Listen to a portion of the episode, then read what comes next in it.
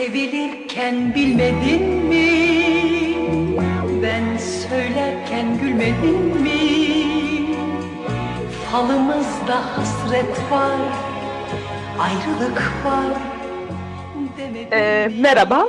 Ee, Vişne ve Tuzla Seks CV'sinin Analiz Şelalesi ilk bölümü Yaşamaktan Korkmanın ikinci kısmına hoş geldiniz. Ben Vişne. Ben Tuz. Ee, bu konuya ilişkiden çıkmaya korkmak da dahil bence. Ya sevgili fobiyiz ya da yalnız kalma fobiyiz. Bir ortasını bulamıyoruz. Ee, yaşıtlarımız ya Lanks diye evleniyor ya da sevgili değiliz ya takılıyoruz diye. Başına daha iyisi daha heh, daha iyi bir şey gelme ihtimali var sanıp karar vermiyor. Hayatta başımıza çok iyi şeyler gelecek diye düşünerek büyüyoruz ve üniversite biterken bunun böyle olmayacağını anlıyoruz. Bu flörtüz abi takıling kafası da bu Notion'dan besleniyor bence. Sonra da dark. Ee, çok katılıyorum. Tam dediğim şey. Ya hani sevgiliyim ben bu ilişkiden çıkamam. Hadi bir sonraki adım ne toplumun bana verdiği evlilik. Hadi evlenelim o zaman. Bir şeyler çözülmesin. Çözüm olsun. Hayattaki sorunlarıma çözüm, çözüm olsun. Ya da işte bir sevgiliden diğer sevgiliye atlamak. Hani yalnız kalmayayım. Aman şey olur. Kendimle yüzleşmeyeyim. Kendimi fark etmeyeyim var. Ya da tam tersi. Aman kimseye taviz vermeyeyim. Bence bu da şu comfort zone hani bizim kendimizi rahat hissettiğimiz alanlar var ya hayatta. Bundan çıkma Evet. korkusu. Yaşamak ya bu arada comfort zone'unda çok hızlı çok e, mutlu yaşayan insanlar da olabilir. Bunu sorgulayıp tamam ben artık buraya buradayım ve ben böyle olmaktan mutluyum diyen insanlar da olabilir. Onlara saygım sonsuz. Ama bir sürü hayali var. Ama ya olmazsa diye korkusu var. Yani hatta şöyle bence insan yani bu çevremiz, bizim millennial denilen e, insan grubu hayatı yarış olarak görüyor. Her şey yarış. Kıyafet giyeceğim, en güzel ben gözükeceğim. İlişki, en iyisi benim olsun. İş, en iyisi benim olsun. Bir şey, en iyisi benim olsun. Böyle diye diye en iyisi olamayacağını düşündüğü bir tane kendine bir özgüvensizliği olduğu alanda hiçbir şey yapmıyor. Bu da aslında şey gibi bazıları diyor. İşte ben yarışı reddediyorum. Bu bir yarış değil. Ama aslında bu sonunculuğa oynamak. Yarışı reddetmek değil ki. Yani yarışı reddetmek nedir? Bana ne kardeşim ben bunu istiyorum deneyeceğim. Bok gibi olursa da olsun, iyi olursa da olsun. Kendim için yapacağım bunu demek. Ama hiç denememek de bence sonunculuğa oynamak oluyor ve o da yarışı reddetmek olmuyor. Ben böyle de düşünüyorum bu işlerde. Bu evlilik de o bence. Yarışı kazanan olmaya çalışmak. Bence. evet. Bana da öyle geliyor. Hak, hak verdim bu konuda sana. Şu Yani- an mantıklı geldi. Hiç böyle düşünmemiştim de mantıklı geldi. Hani aynı şekilde sevgili olmamak da aynı şey. Tam iyi olmaz, mükemmel değil karşındaki insan. Ay işte şusundan hoşlanmadım, bu şundan hoşlanmadım. Kardeşim ya hoşlandın bir insandan ya da hoşlanmadın. Hoşlanmak bence bizim zihinsel olarak algılayacağımız bir proses çok değil. Bir insandan ya Bana da hoşlanırsın. bence de. Hah, bir insandan ya hoşlanırsın Yani ya sebebini tam bilmek mümkün değil zaten ve kimse de müthiş olmadığı için zaten bir insandan her özelliğini Hah, hoşlanamazsın. benimsemek ve şey yapmak gibi bir durum da yok yani. Evet. Ve bir şey işte- yok yani. İşte over analiz etmek. İşte aşığım çünkü şu şu şu yüzünden aşık oldum. Aşık değilim çünkü bu bu yüzünden oldum. Kardeş, bir şey, duygular aptal da olsa geliyor, yaşanıyor ve bitiyor. İyi duygularda, kötü duygularda geçiyor, bitiyor. Bu bir yarış değil. En iyisi, en mükemmeli senin olmak zorunda değil. Bunu hiç denememek, yaşamaktan korkmak, sonunculuğa oynamak. Ben böyle düşünüyorum bu konuda. Evet. Zaten bu kadar da kendini korumaya almaya da gerek yok yani. Bunun çoğunda aslında altta yatan bu zaten eninde sonunda olmayacak. İşte Hı. yani işte bununla bir noktada patlayacak falan diye de düşünmemek lazım. Yani sonuçta o an öyle istiyorsun ve geleceği de tam olarak göremezsin yani. Hiçbir zaman tam olarak bilemeyeceğin şeyler olabilir. Bu arada bence O yüzden- her sağlıklı ilişkinin bir e, son kullanma tarihi vardır. Bazıları hayatımızdan bile uzun olduğu için devam edebilir. Ama şunu da bilmek lazım. Hiçbir zaman bir ilişki aynı şekilde sonsuza kadar sürmez. Yani insan değişim içinde, ilişki dinamiği de değişim içinde. Bunu da kabul etmek lazım. Hani senin bir Evet yerden zaten kişiler değişiyor yani. evet Kişiler değişirken ilişkinin aynı kalması gibi bir ihtimal var mı yani? Yok da. Yok. Bir de şöyle de bir şey var bence. İnsanların yaraları oluyor. Genelde ailesinden kalma, hani psikolojik travmalar her insan ilişkisinde olduğu gibi travma yaratıyor. bazen insanlar bu bir yara tanıdık ya. Bu yarayı kapatmamışım ama bir kere survive etmişim. Bir kere o yarayı almışım ve ölmemişim. O yüzden gidip aynı travmayı yaratacak ilişkiler arıyor. Bu yarayı tam kapatamadığı için. Eğer karşıdaki insanda o yarayı dokunduracak bir şey yok ama başka bir yara atacak bir şey varsa da bu yara daha iyi olmasına rağmen hatta bu yarayı kapatabilecek olmasına rağmen karşıdaki korkutucu geliyor. Çünkü tanıdık değil. Evet. Ve bir yarayı kapatamamış. Bence böyle bir şey de var. Bu benim analiz. Analiz şelalesi olması sebebimin bölümü bu. Analiz yanlış olabilir. Kendi fikirlerimizi beyan ediyoruz size. Siz de beğenip beğenmiyorsunuz. Önemli değil. Evet. Geçelim mi bunu? Başka ne demiş bu? Bence geçebiliriz çünkü daha çok var. Tamam, evet. Ee, y- yedi. Yedi. Ben okuyayım mı? Oku. Ee, sahte romantikle sahte romantiklikler mi? I will see you in another life. Bu hayattayız, bu hayatta karşındayım canım ne oluyor? Bilmiyorum, bilmiyorum deyip ilişkideki emotional labor'ı sana yaptırıp karar vermekten aciz sönük soft boylar mı? Ayrıldıktan 4 ay sonra seni başka erkekle gördükten sonra aklı yerine gelip seni geri kazanmaya çalışan çünkü başka erkek yoksa aslında o bitmemiştir kafasında kapıyı hep aralık gören ama aksiyon almayan toksik erkek mantalitesi mi? Çok çektik bu ilişki korkağı çocuklardan. Bazılarını da alıp eğitip büyüttük mecbur. Kararlarını biz verdik. İlişkiyi, pardon ilişki lafı yok. Alaka, alaka mı desek biz bitirdik. Önce biz üzüldük. Onlar iş işten, iş işten geçtikten sonra farkına varıncaya kadar. Ama hep diyorum bu 20-25 yaş arası erkekleri ne zaman büyüyecek ve gerçek bir şey yaşamaya cesaretleri olacak. Bu arada bu e, soft boy da şey e, demek. Bir kadınla yatana kadar böyle çok acil hani duygusal olarak da kendini açıp yattıktan sonra kaybolan tip bu arada. Öyle bir hani fuck boy gibi. hani soft davranıyor. Ben çok duygusalım bebeğim falan sonra kayboluyor. Bu da bu. Müthiş. Bence çok iyi bir yazı. Üstünde çok diyecek bir şey yok. Hani kesinlikle Evet. yaşamaktan, karar almaktan korkan, kararı tamamen karşısındakine bırakan, olmayınca da karşındaki karşısındakini toplayan, hani hiç hayatta sorumluluk almamış çocuk ruhlu çocuk adamlar diyelim. Çocuk çocuk adam. Aynen. Evet. Yani bayağı güzel anlatmış zaten bu e, istediğini. Evet. Evet. Üstüne çok diyecek bir şey de bırakmamış gibi hissediyorum. Evet. Yani. Bir de şey bu kapıyı hep aralık sanma. Böyle kapıyı tam kapatamama da var ya. Hani tam olmadık ama arada yoklayayım. Arada bir hani şey iş atayım da bakalım falan. He oldu canım. Oldu.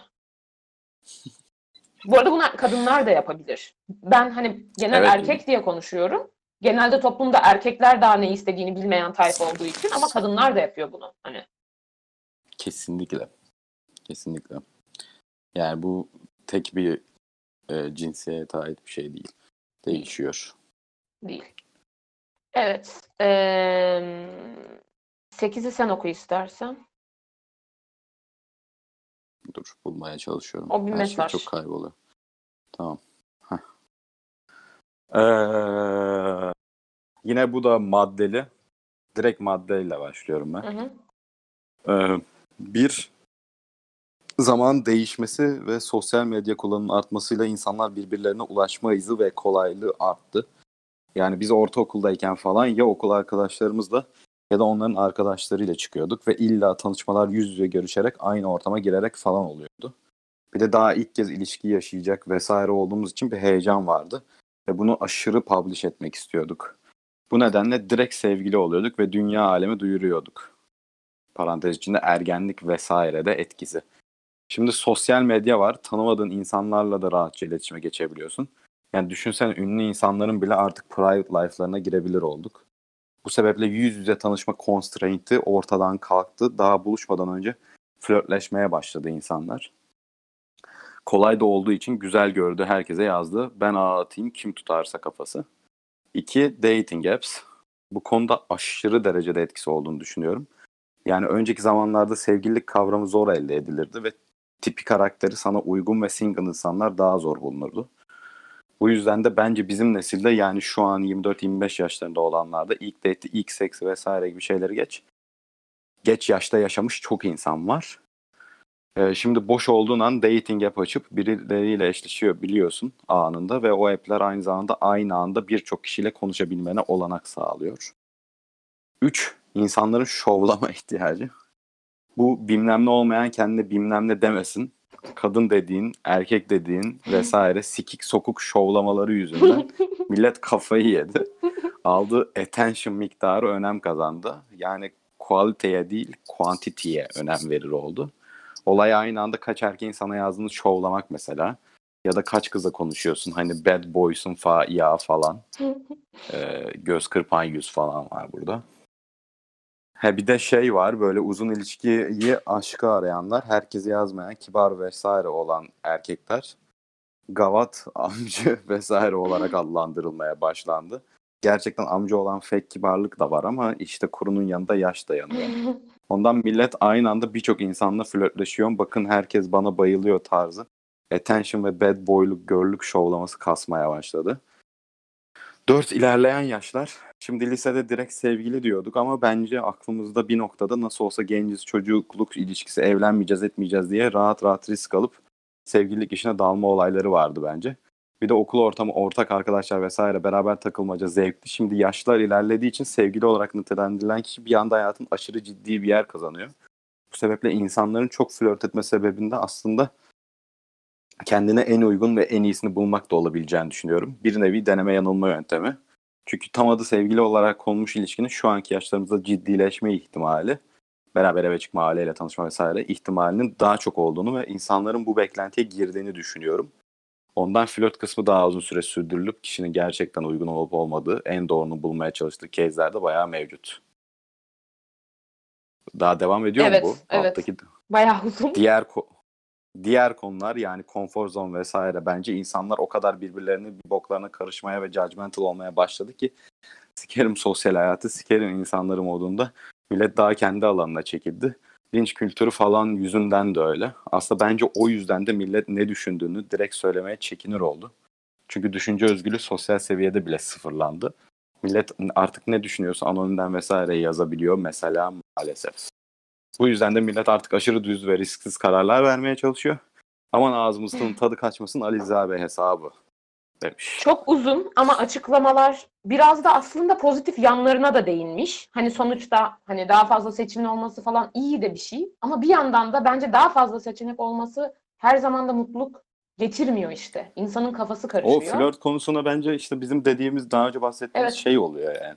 Çok fazla yaydığın zaman o emek ve zamanı tamam hani 2 veya 3 hadi neyse de yani 10-15'e çıktığı zaman hangi birinin ne kadar tanıyacaksın da ne o ya karıştırırsın ya yani. Evet evet. 10-15 kişi olsa karışır benim, benim kafam karışır yani. Hangisi Evet, evet. neydi falan olurum. Evet evet. Zaten buluşuluyor şey diyor. Sen şu olandın değil mi falan diyor millet. Yani hani bu kadar hani bunun, bu, mi? bunun bir de öyle yıkıcı etkileri de oluyordur yani. Hani sen şuydun değil mi deyince o mu- insan muhtemelen lan ben Ya. bu kadar dandik bir insan mıyım falan Evet. diye de düşünüyordur otomatik olarak ki aslında öyle bir şey de yok. Yani tabii ki unutacak 10-15 kişiyle olan evet evet. Her şeyi unutur yani aynı anda. Evet. Bir de değeri kalmıyor işte. Değerli bir insan olsa bile bence. Evet. Hani benzer şeyler yaşaya yaşaya bok oluyor. Bence bunun hakkında daha söylenecek bir şey. Ha Bu şey Rick and. Morty'nin son sezonda öyle bir bölümü var. Böyle bir dating app yaratılıyor. Böyle saniyede sürekli şey meçin değişiyor falan filan böyle işte düğünden birini kaçırıyorlar sonra diğerini başkası kaçırıyor öbürü geliyor onu kaçırıyor falan böyle.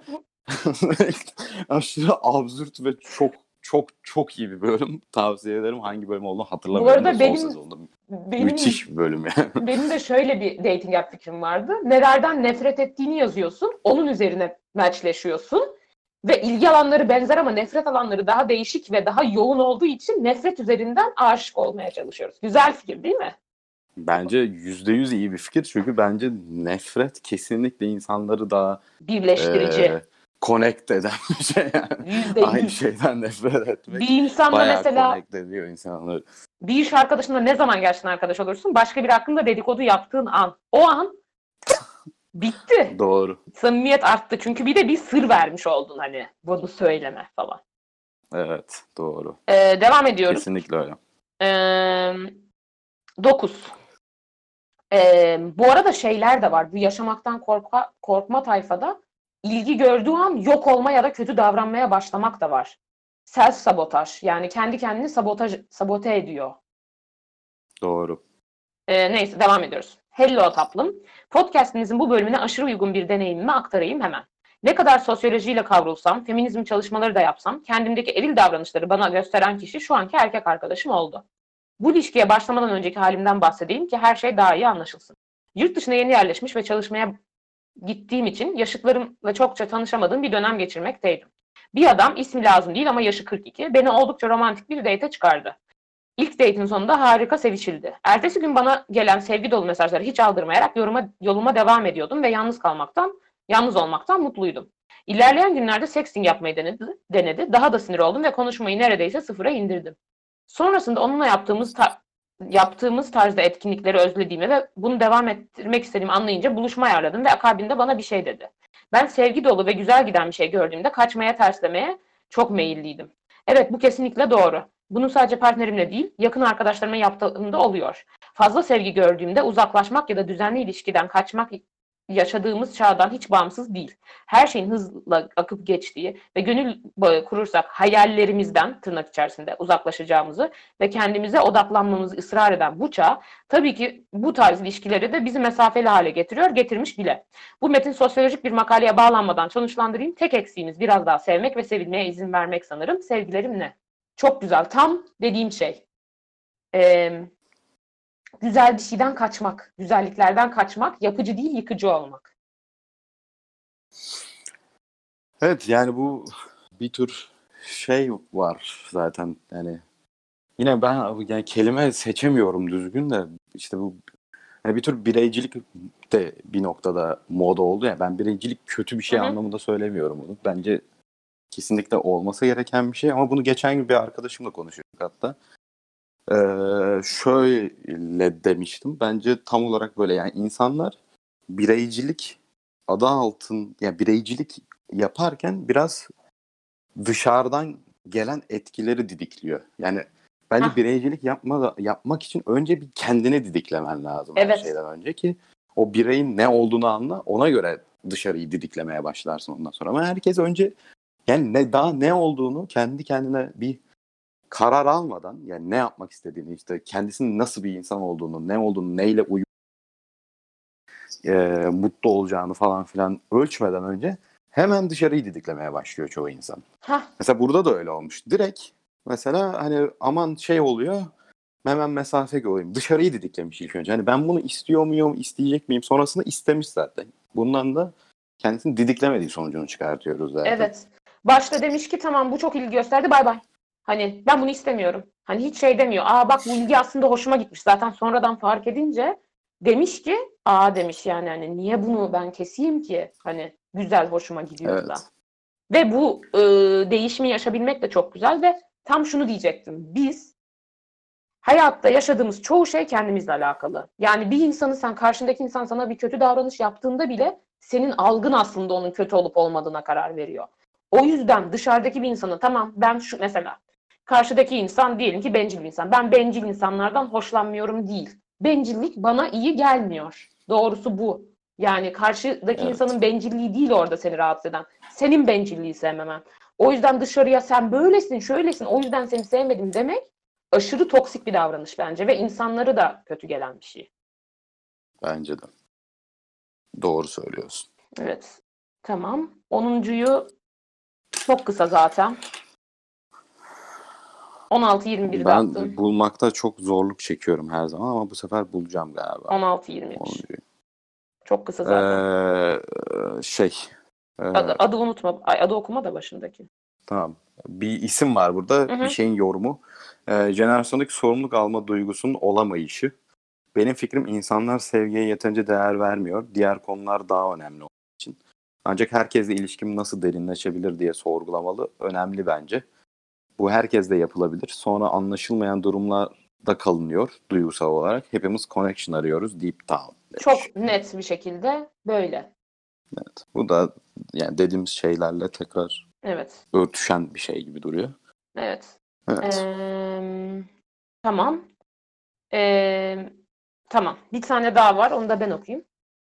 Bu duruma aşırı tilt oluyorum. 25 yaşındayım ve elde tutulur bir tane tırnak içinde ilişki adı koyabileceğim bir yaşanmışlığım olmadı kısmen bu mevzu yüzünden. Çok grup insanlarla bir kere bile ilişki istediğimi bir kere bile ilişki istediğimi belirtmesem de onları trap edecek bir plot ya da davranışta bulunmasam da out of blue ben ilişki istemiyorum phrasini yapıştırdıkları oluyor. Bayağı offending bir durum aslında. İlişki kavramı benim için küçük ve deneyimsizken heyecan verici ve merak ettiğim bir konseptti açıkçası. Ama yaş ilerledikçe ve bu ıssız adam izleyip gaza gelen insanlarla karşılaştıkça ben de soğudum ve seçici olmaya başladım. Eskiden bana ilişki konseptine girmek için ortada bir çekim ve ortak ilgi alanları olması yeterken şu an bin bir kriter koyduğumu ve daha seçici olduğumu fark ediyorum. Bunun sebebi geçmişte ıssız adamlarla yaşadığım çıkmazların travmaları bence. Nasıl olsa ilişki denince yaşanan her şeyi ilişki denince yaşanan her şeyi beraber deneyimlerken ben de sevgili olmaktan o kadar korkan insanlarla vakit geçiriyorsam ben de opsiyonlarımı açık tutabilirim. Ta ki benim standartlarıma uyan biri çıkana kadar. O zaman nasıl oluyormuş? Sosyal medyada Tinder gibi platformlarda her türlü opsiyona erişim hakları olduğunu bilmenin rahatlığıyla bir ilişkiye girince FOMO yaşamak artı ıssız adam filmi parantez içinde Türk erkeklerinin başına gelmiş en kötü devrim. Bir bu, bir de kaybedenler kulübü sayesinde gelmiş olabilir. Parantezi kapıyoruz. bir araya gelince karşı tarafı metalaştırıp bir opsiyonmuş gibi hissettirmeye başlıyor insanlar. Bu muameleye uzun süre aralıksız maruz kalınca travma yaşayan karşı tarafta aynı davranışı ve yaklaşımı benimsemeye başlıyor ve etrafına duvar örüyor. Böylece zaten kendisi gibi hassaslaşmış olan gerçek potansiyellerinde itecek davranışlar sergilemeye başlıyor fark etmeden. Gerçekten şans işi sanırım aynı dalga boyutunda biri bulup süreç odaklı kaygılarda boğulmaktansa ne yaşanacaksa yaşanmasına izin vermek. Çok güzel. Şu ana kadar yani bu bölümde en çok hoşuma giden cümle burada geldi. Bence çok net açıklıyor aslında şu an konuştuğumuz her şeyi. Evet. Karşı tarafı metalaştırıp bir opsiyonmuş gibi hissettirmek yani gerçekten Hah, tebrik ediyorum. Yani Hah. 5 saattir anlatmaya çalıştığım her şeyin aslında Hah. bu cümle içinde olduğunu hissediyorum şu anda. Gerçekten Yani- müthiş. hani sanki Müthiş. sanki hayatımız bir Tinder ve biz insanlara yok, hayır, yok, hayır, yok, hayır. Böyle değil yani hani bu değil abi. Ya, Hayat bu yaşamak gerçekten bu değil yani. Yaşamak bu değil. Hani gerçekten değil. Yani her şey, her tecrübe artık bir meta haline gelmiş olduğu için yani inanılmaz gerçekten. Yani her şeyi mesela Tinder'da da o durum var. Yani hani gerçekten bir şey aramaktan ziyade hemen telefondan bulmaya çalışıyorsun mesela. Yani her şey o kadar kolay. Ya ben bunu alayım direkt. Yani satın bir tür satın alma eylemi bence Evet. zaten Tinder'dan olan şey yani. Benim cebimde bir para var. Ben bununla hemen işim hallolsun istiyorum yani. Hemen o bir ürün ve onu almam lazım. O experience'ı satın almam gerekiyor falan filan. Yani öyle bu hani her şey için geçerli artık. Hani tatile giderken bilmem ne yaparken falan. Yani o tatilde ne yapacağının çok da bir önemi kalmadı artık. Yani insanlar bunu düşünmeden o bir an önce o uçak biletini almak istiyor. Uçak biletini aldığında çok mutlu zaten herkes. Yani en çok mutlu olan an o oluyor bence çoğunlukla seyahatte artık. Mesela tatile gidiyorsun. aldım. Fotoğraf çekiliyorsun sürekli. Paylaşacaksın çünkü. Anı kalsın diye fotoğraf çekmek güzel bir şey. Ama hani sanki paylaşmayan şeyler yaşanmamış gibi oluyor. Hatırlıyor musun? Geçen Evet. e, sene ben hani gezdim ya bayağı iki buçuk ay falan. Hiçbir şey paylaşmıyordum. Hiçbir şey. Arada abi Hawaii'den burası Kilios diye story koyuyordum. Yeni Zelanda'dan burası Kadıköy Rıhtım diye hatırlıyor musun? Story koyuyordum. Evet. Kimse iki kişi, iki ya da üç kişi bana yazdı. Hani sen döndün mü? Hani dön, gittiğimi de bilmiyor insan. Sabahın, gecenin üçünde Hawaii'den sabah diye story paylaşıyorum. Kilios diyor. Kimse de demiyor ki bu ne amk ya. Hani hatırlıyor musun? Sonra ben döndüm tez yazarken paylaşıyorum. Sen de hatta yorum yapıyordun. İşte burası aslında Türkiye gibi. Bayağı komikti. Millet işte sen ne kadar geziyorsun falan. Ben orada oturup tez yazıyorum. Nasıl bir gerçeklik kırılması bu artık ya? Ben inanamıyorum. Hani sorgulama da yok. Bir saniye bakıp geçiyor. Like'lıyor da ama anladın mı? Like'larım da çok. O çok ilginç. Düşünmeden like'lıyor. yani artık- yani bende de öyle. Ben like'ı falan artık fotoğraf falan bakmadan like atıyorum yani. İsim gördüm ha. Ha bu like. modundayım ya. Ya bu kişiye like atıyorum ben. Tamam. evet. o ona bağlıyor yani. Ve Yapacak işte bir şey de yok yani. Bu bir suç da değil. Böyle oluyor yani. Her şeyi meta haline geldiği zaman o esansını kaybetmiş oluyor aslında yani. evet. O şey gidiyor. büyüsü gidiyor işin yani aslına bakarsan. Evet. Yani zaten bir anda met, met haline geldiğinde zaten herkes yapmaya başlıyor. Yaygınlaşınca da büyüsü gidiyor zaten. Evet işte. Bin, bin kere ben şimdi Yeni Zelanda fotoğrafı gördüğümde heyecanlandım yani. Çünkü Evet. var her yerde var zaten. Ya Şey olmuyorum ki. Bir esprisi kalmamış gibi oluyor. Aa güzel olmuyorsun. Yani- Ha bu. Ha, aynen aynen. Şey gibi commodity, commodity good oluyor. Tuvalet kağıdı gibi oluyor. Bir tuvalet Evet, kağıdının diğer öyle. bir tuvalet kağıdından hiçbir farkı var mı? Yok. Hiçbir zaman hatırlamazsın. Aa şu tuvalet kağıdı, Aa, bazen hatırlarsın bu arada kalitesiz tuvalet kağıdı kullananlar.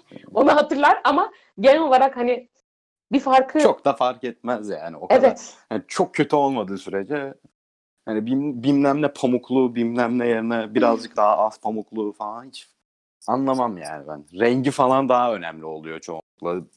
Yani mesela benim kız arkadaşım şeydeyken e, ben pembe olanları seviyorum falan gibi bir şey demişti yani. Ne, yani niye yani?